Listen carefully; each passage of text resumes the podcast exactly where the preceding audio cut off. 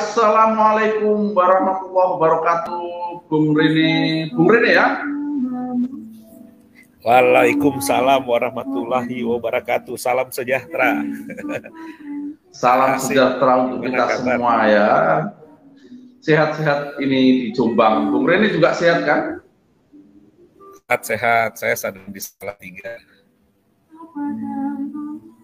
Ini sekarang di kerja di Jakarta atau kok di Salatiga ini hari ini? Ya kerja di Jakarta pas lagi pulang. Jadi, tapi kerjaan seminggu lalu kayak kelihatan di kalau di Sumatera Barat ya. Iya, memang lagi keliling-keliling sih. Cuma sekarang lebih banyak ke Sumatera Barat. Ya, ini saya perkenalkan lah Bung Rene daripada nanti memperkenalkan diri kalau bahasanya tawadu itu nanti nggak kena nih. Nggak kena itu gini nih pas perkenalan tuh saya Mas Rene bukan siapa-siapa kan repot tuh. Oke teman-teman sekalian ini Bung Rene, Rene nama aslinya Rene Picasso Manopo, begitu ya Bung ya. Jadi ya. dia cukup lama bergerak bergerak apa berputar dan apa berjalan-jalan sebagian berlari-lari ke dalam dunia praktisi, jadi praktisi apa pengurangan risiko bencana. Nah, Bung Rene ini punya cukup banyak pekerjaan lamanya, jadi dia bekerja di apa di lembaga-lembaga internasional. Yang pertama di UNHCR pernah ya? Enggak, saya di UN di UNFPA. Oh, UNFPA, kemudian Diakoni, Bumi Tangguh, dan terakhir sekarang di CARE ya. ya.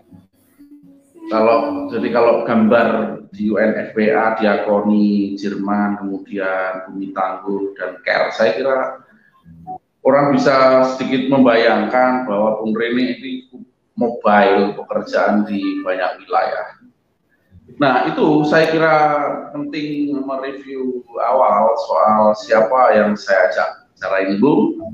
Bung, sekarang kita punya tema nih, Bung, tentang pembangunan perspektif bencana. bencana. Saya kira tema ini seperti mudah juga kita rasakan. Tetapi bagaimana memahaminya, Bung? Silakan, Bung. Mulai saja kita. Ya, sebenarnya sih uh, pada dasarnya ya, kalau kita berbicara pembangunan uh, di negara kita ini, kita kan udah tahu negara kita ini tingkat resiko bencananya itu sangat tinggi. Kita bisa katakan seperti supermarket bencana gitu. Apa pun yang kita bicarakan tentang bencana itu ada di Indonesia. Nah, sudah selayaknya saat ini pembangunan itu paling tidak mengacu pada tingkat resiko di setiap uh, setiap daerah. Karena setiap daerah itu punya ting kerawanan ting uh, tingkat resiko dari berbagai macam uh, potensi bencana yang akan terjadi di depan hari. Demikian mas. Ya supermarket bencana ya. Saya kira supermarket bencana ini bisa diterjemahkan kita ini di apa lingkungan apa yang banjirnya macam-macam ada eh, yang bencananya macam-macam. Jadi ada banjir ada puting beliung ada gempa bumi ada tsunami dan ada seluruhnya lah kira-kira yang disebut bencana-bencana dunia. Ya gitu ya kira-kira ya. Kita menjadi apa jadi kan wilayah. itu kan Ya, kalau kita lihat kan sebenarnya bencana itu kan ada dari beberapa hal ya. Jadi bencana yang disebabkan oleh alam, disebabkan oleh manusia maupun secara teknologi. Nah, di ya. Indonesia ya. itu bencana yang terjadi yang disebabkan oleh alam itu karena pertama kita tinggal itu di wilayah. Jadi posisi geografis Indonesia itu ada di wilayah uh, Ring of Fire di mana ada gugusan gugusan gunung berapi baru uh, uh, apa uh, patahan-patahan di di seputar uh, negara kita gitu. Jadi sehingga mengakibatkan Indonesia itu berada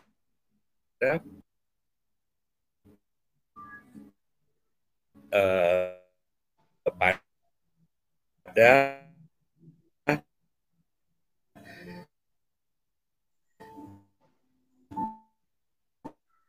wilayah ya yang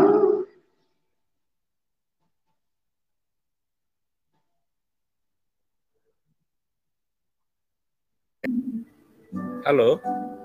Halo, halo, halo. Ya, nah, saya ya. seperti sedikit mengalami apa gangguan koneksi ya tiba-tiba ya. Tapi saya kira lanjut saja ya. Kita berada di wilayah-wilayah yang saya kira apa memiliki apa apa potensi bencana cukup besar. Saya kira itu ya kemudian poinnya.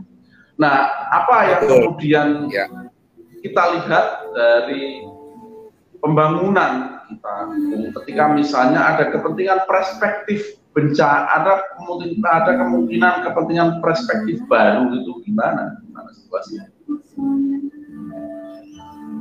Jadi begini. Sekarang kalau kita bicara hal yang kecil aja, misalnya pembangunan eh, sekolah, ya. Hmm.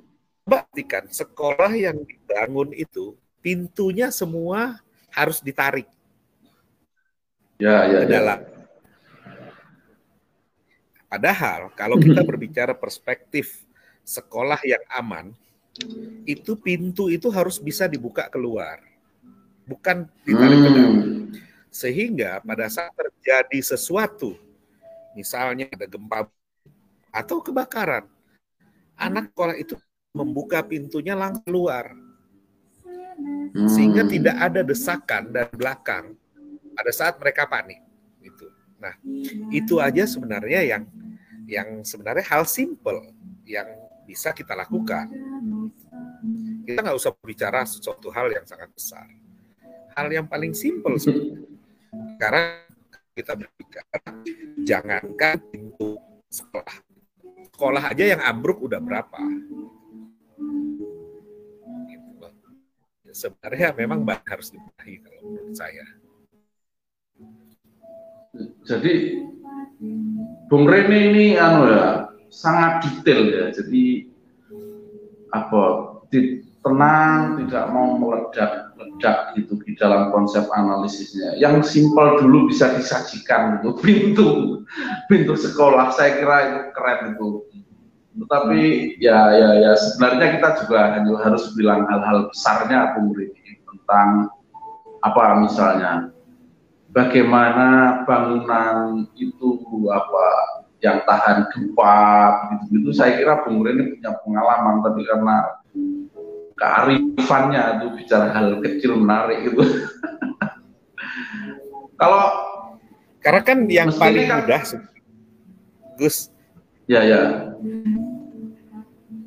Sebenarnya kan yang paling mudah apa yang kita lihat di depan mata kita, yang sehari-hari kita lihat. Gitu ya. Kalau kita bicara tentang bangunan yang besar, sudah salah harusnya itu ada aturan. Kalau untuk di daerah-daerah seperti Palu dan lain sebagainya, itu memang ada anjuran. Jadi membangun harus sesuai dengan misalnya daerahnya rawan gempa, harus eh, bangunan itu tahan gempa. Kita tidak bisa bikin. Kalau menurut saya bangunan tahan gempa, tapi bangunan ramah gempa. Karena tidak ada yang bisa menahan kekuatan gempa itu. Ramah gempa. Ya. Beberapa daerah sudah ada itu, tapi secara umum itu belum ada. Kalau kita bicara tentang lingkungan, itu sudah ada AMDAL. Jadi sudah ada syarat AMDAL pada saat kita membuat uh, proyek pembangunan infrastruktur segala macam harus ada misalnya analisa dampak lingkungan. Nah kan untuk bencana itu belum, itu beberapa saja yang dilakukan, ya, belum secara utuh demikian. Ya, saya kira ini Bung Rene. Jadi soal apakah sebenarnya peraturan itu kemudian apa kalau dilihat misalnya anjuran apa apa apa menjadi menjadi sangat urgent sebenarnya di dalam konsep ini harus ditegakkan gitu loh. Bahkan kalau kalau saya sih sebenarnya seperti gini, kok ya nggak harus anjuran, harusnya tegas misalnya kita bikin peraturan gitu. Tapi tapi kan objektifnya apakah banyak wilayah bikin peraturan tentang misalnya bangunan ramah gempa Sebenarnya begini, gampang. Maksud saya dalam hal begini, di Indonesia itu sudah ada uh, indeks resiko bencana, ya. Jadi uh, kita bisa tahu, misalnya daerah-daerah mana saja uh, yang apa ya, yang rawan bencana. Nah, harap uh, ada, sudah perlu aturan yang sangat saat siapa pun membangun itu sudah harus mengikuti standar yang ditetapkan tergantung dari tingkat ancaman di daerah tersebut gitu. Nah, teman-teman ya. BNPB itu sudah bikin uh, indeks indeks bencana di seluruh Indonesia. Jadi sebenarnya uh, itu tuh udah tinggal bagaimana sekarang uh, apa aturan itu harus di, dibikin. Ya, ya, ya. Saya kira kita sedang bicara apa political will ya, political will bahwa maunya atau perangkat datanya sebenarnya sudah ada di BNPB ya dan ada dan apa crop peta masalahnya kalau dilihat secara sederhana apa sebenarnya bisa dilihat ya sebenarnya kalau man, daerah mana saja dan ancaman peluang bencananya apa itu kalau memang sebenarnya nggak terlalu susah harusnya pemerintah bisa menghadirkan itu bisa menghadirkan peraturan yang lebih tegas untuk apa melakukan apa pembangunan yang ya. punya perspektif bencana yang sedang dihadapi itu kira-kira ya Ya, jadi sebenarnya teman-teman BNPB itu sudah dari tahun 2001 membuat integrasi rencana penanggulan bencana dalam perencanaan pembangunan daerah. Nah, ya. itu sudah dari 2001 sebenarnya. Tinggal bagaimana daerah itu uh, mengintegrasikan pembangunan mereka, rencana pembangunan mereka dengan rencana penanggulan bencana yang ada. Nah, itu benar itu akhirnya kembali ke political will. Seperti apa pimpinan daerahnya itu akan mengintegrasikan rencana pembangunan daerah mereka dengan rencana penanggulangan bencana. Nah, yang kita lihat Bung Rini, yang kita lihat laporan pandangan mata lah Wali apakah sebenarnya bencana-bencana yang sedang terjadi itu sebenarnya apa pemerintah uh, menggambarkan apa, menggambarkan memiliki perspektif atau tidak? Kira-kira itu. Uh, sekarang begini, sebenarnya sih pemerintah pasti punya perspektif untuk itulah, ya, karena kan semua rencana pembangunan itu seharusnya dibikin untuk kemaslahatan uh, rakyat, ya, untuk hajat hidup orang banyak. Uh, rencana dibikin untuk hajat hidup orang banyak yang sejahtera. Seharusnya eh, memang rencana-rencana demikian itu sudah harus dilakukan. Itu yang saya katakan tadi. Eh, sekarang begini, kalau kita mengacu juga pada beberapa uh, peraturan menteri, ya ada yang cuma ada nomenklatur untuk bencana, tetapi bukan menjadi target target capaian dari daerah sehingga uh, daerah uh, bisa saja tidak memasukkan dana itu ke dalam rencana mereka. Gitu Ya, yang mau saya tanyakan dampak bencana untuk dilihat sebagai sebuah perspektif. Misalnya begini, Bung Rene. Jadi misalnya bagaimana apa korban apa gempa bumi yang di Merapi atau yang yang yang di Flores kemarin itu misalnya sebegitu parahnya atau sebegitu itu hancurnya itu sebenarnya apakah sedang kita bisa baca bahwa pembangunan ini memang kurang memiliki perspektif bencana itu. Uh, kalau itu ya, kalau itu ya. Tetapi yang paling penting sebenarnya uh, tanggung jawab ini tidak hanya pemerintah kalau saya. Justru hal ini tuh harus uh, bekerja dengan seluruh komponen masyarakat. Seberapa bagus pun bangunan yang dibikin, seberapa kuat pun bangunan yang dibikin, tetapi masyarakatnya tidak siap, akan percuma bangunan itu dibikin. Karena pada saat terjadi bencana, bukan bangunan, tetapi bagaimana masyarakat, saya sebagai manusia ini, amatkan diri saya. Nah, itu yang uh, paling penting sebenarnya. Jadi bukan kita cuma membicarakan membangun uh, perspektif bencana secara infrastruktur atau fisik, tetapi SDM perlu kita bangun. Oke oke oke oke. Jadi kita bisa pahami. Nah, jadi dalam konsep pembangunan yang sedang kita bahas itu ada infrastruktur dan SDM. Ya. Jadi problem yang juga cukup besar kita lihat itu adalah kerusakan-kerusakan dan mengakibatkan jiwa itu adalah ini ya SDM-nya yang yang harus diperkuat ya. Begitu Bung kira-kira konstruksinya ya. Iya. Iya. Tapi uh, karena begini. Upaya upaya mitigasi itu sudah ada banyak. Misalnya ya. sekarang uh, kalau kita lihat di sungai-sungai yang yang dipasang tanggul udah dipasang tanggul.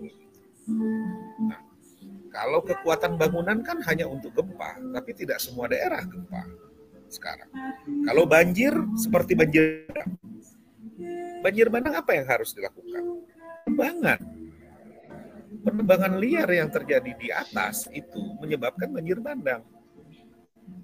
Jadi kita tidak bisa bilang itu hanya pembangunan harus eh, melakukan perspektif bencana, tetapi harus secara holistik. Ya, ya, ya, ya.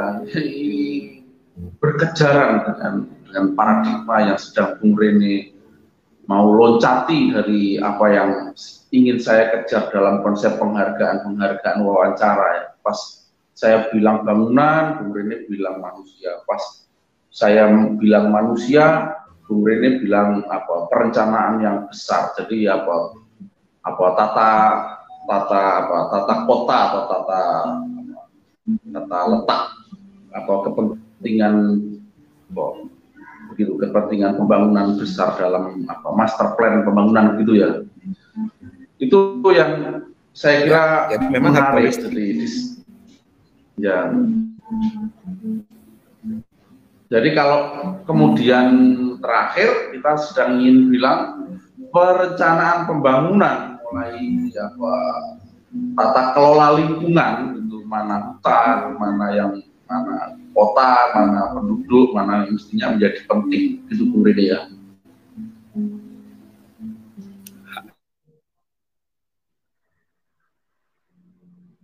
Bung Rene masih bisa lanjutkan Oke, ini kita sedang dalam dialog lanjutan, tapi Bung Rene nampaknya sedang ada soal dengan kayaknya putus sambungan. tadi. Bisa diulang? Oh ya, putus. ya, ya. Untuk tadi saya sudah ngomong terus Bung Rene. Jadi tata kota menjadi penting dalam konsep pembangunan ya misalnya bukan hanya kota ya tata desa atau tata tata apa tata wilayah tata ruang wilayah mas tata, ruang wilayah ya. Saya sudah ada lupa apa yang menjadi idiom-idiom atau nama-nama penting bagi menyebut sebuah kepentingan hukum karena siarannya multi.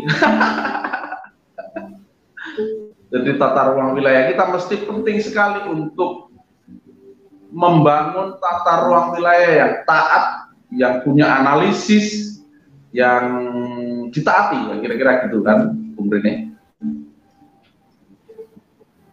Ya, setuju. Jadi memang harus uh, tata ruang wilayah itu berdasarkan uh, selain dengan kepentingan masyarakat, tetapi juga harus diperhatikan dengan kepentingan dari bencana dan resiko yang ada di wilayah tersebut. Jadi ada kaidah-kaidah yang harus dijalankan juga.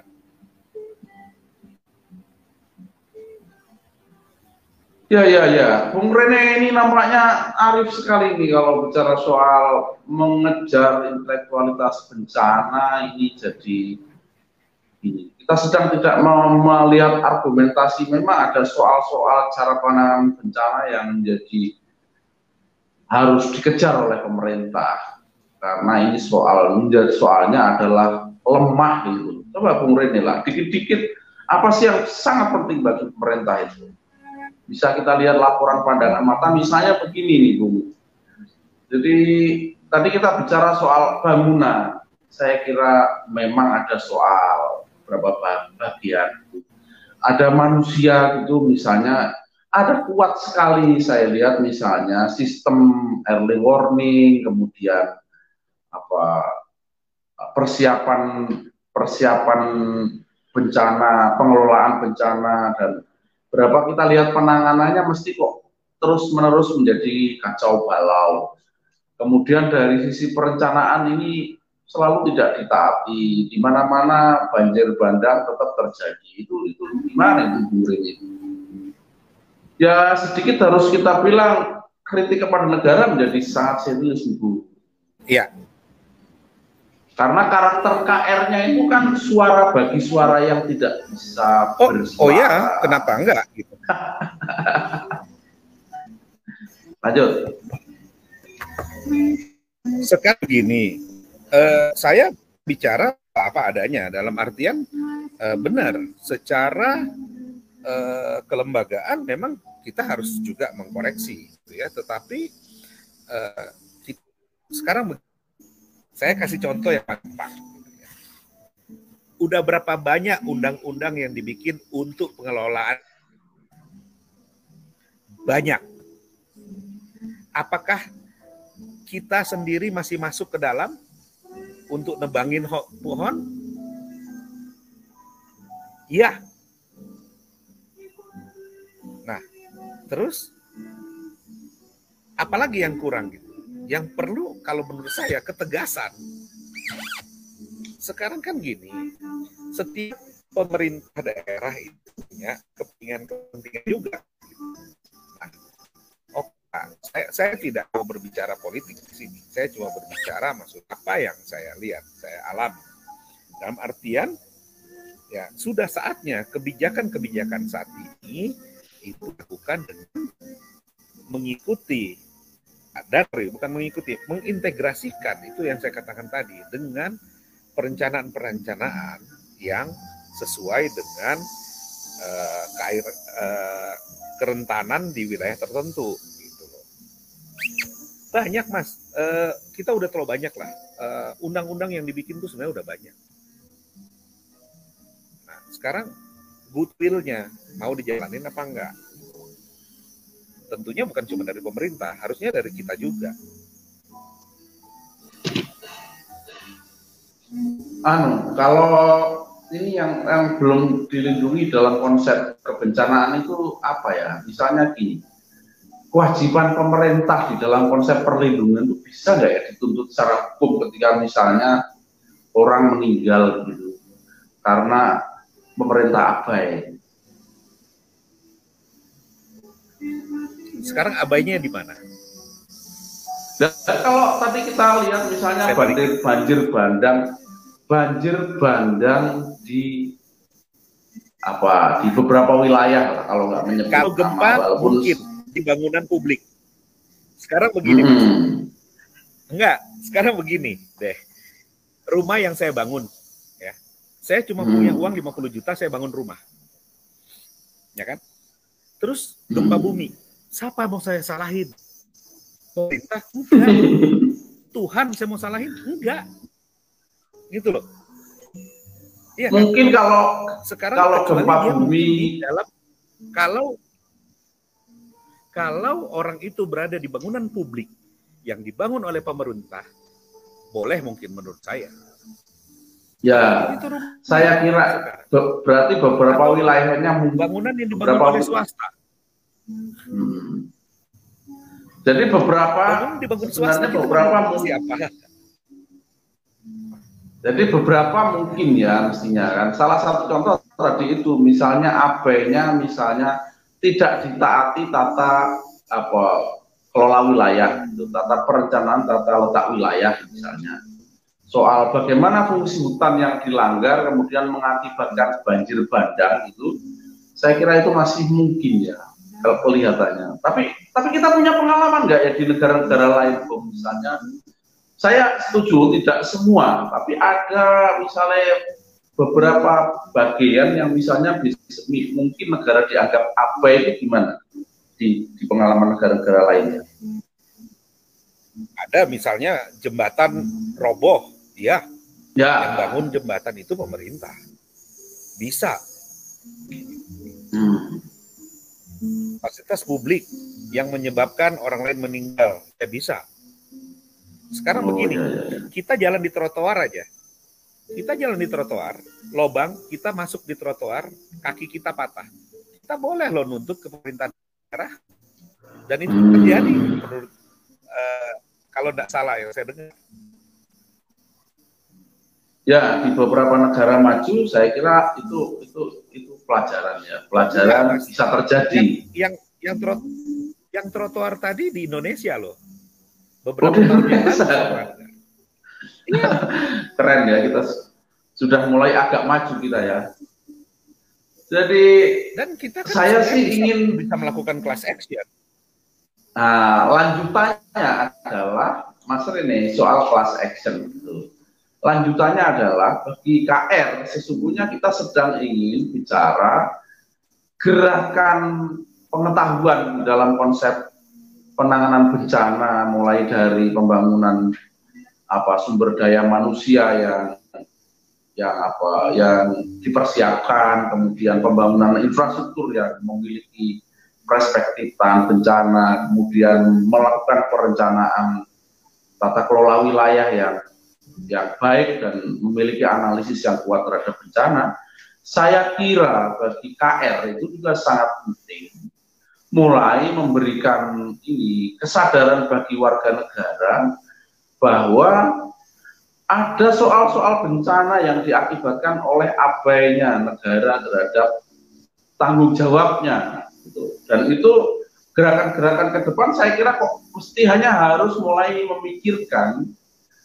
apa kelompok sipil, kelompok rakyat ini membuat apa jalur-jalur yang diketahui secara sah dan legal untuk apa mendapatkan keadilan bagi hukum bagi hukum bagi bagi rakyat yang sedang menjadi korban bencana saya kira itu yang menjadi penting itu hukum ya kira-kira kontribusinya ya uh, kalau untuk bencana ya secara. Keseluruhan. Memang harus dimulai penyadaran itu dari uh, tingkat yang paling kecil gitu ya. dari anak-anak usia dini. Apa yang harus dilakukan pada saat bencana.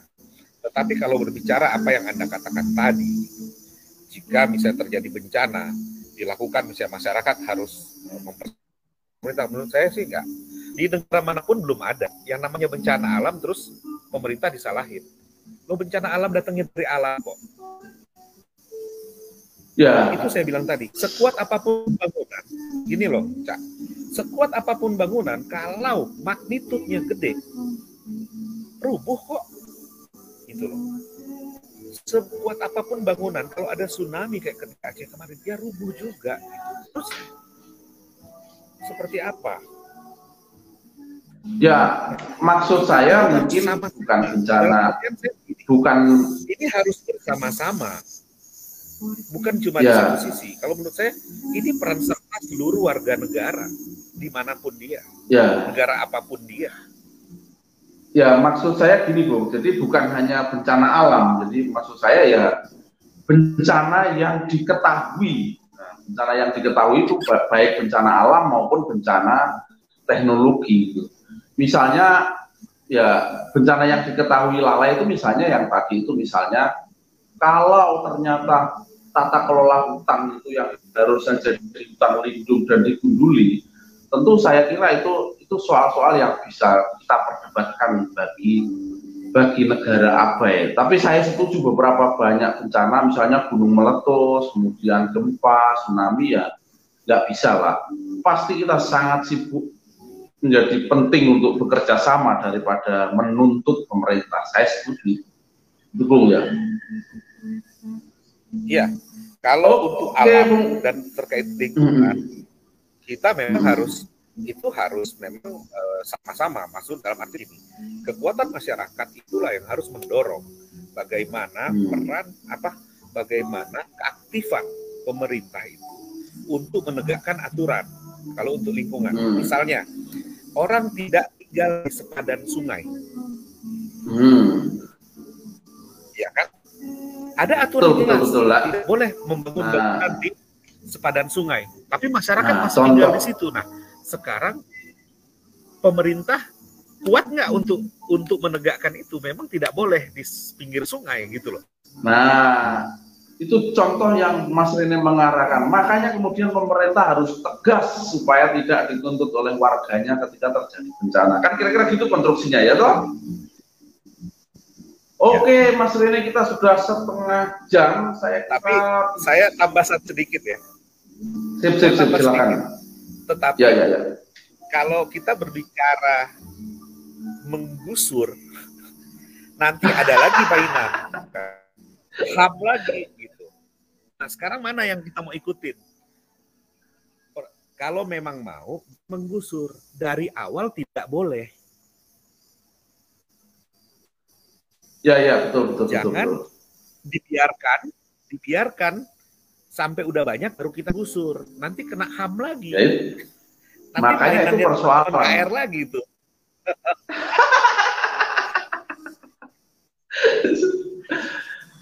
Oke, oke, oke, oke. Jadi mutar-mutar tapi keren ini Mas Rene. Lama tak jumpa dengan saya ini apa jadi tertata betul tuh kepalanya untuk diikuti seperti jadi agak lebih memiliki kesulitan yang apa karena kemampuan baca dan realitas yang dihadapi itu semakin lama semakin sistematis jadi susah diikuti.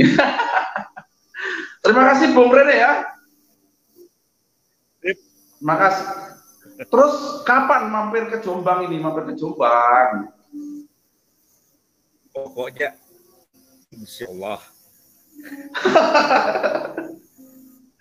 Terima kasih. Assalamualaikum warahmatullahi wabarakatuh. Waalaikumsalam.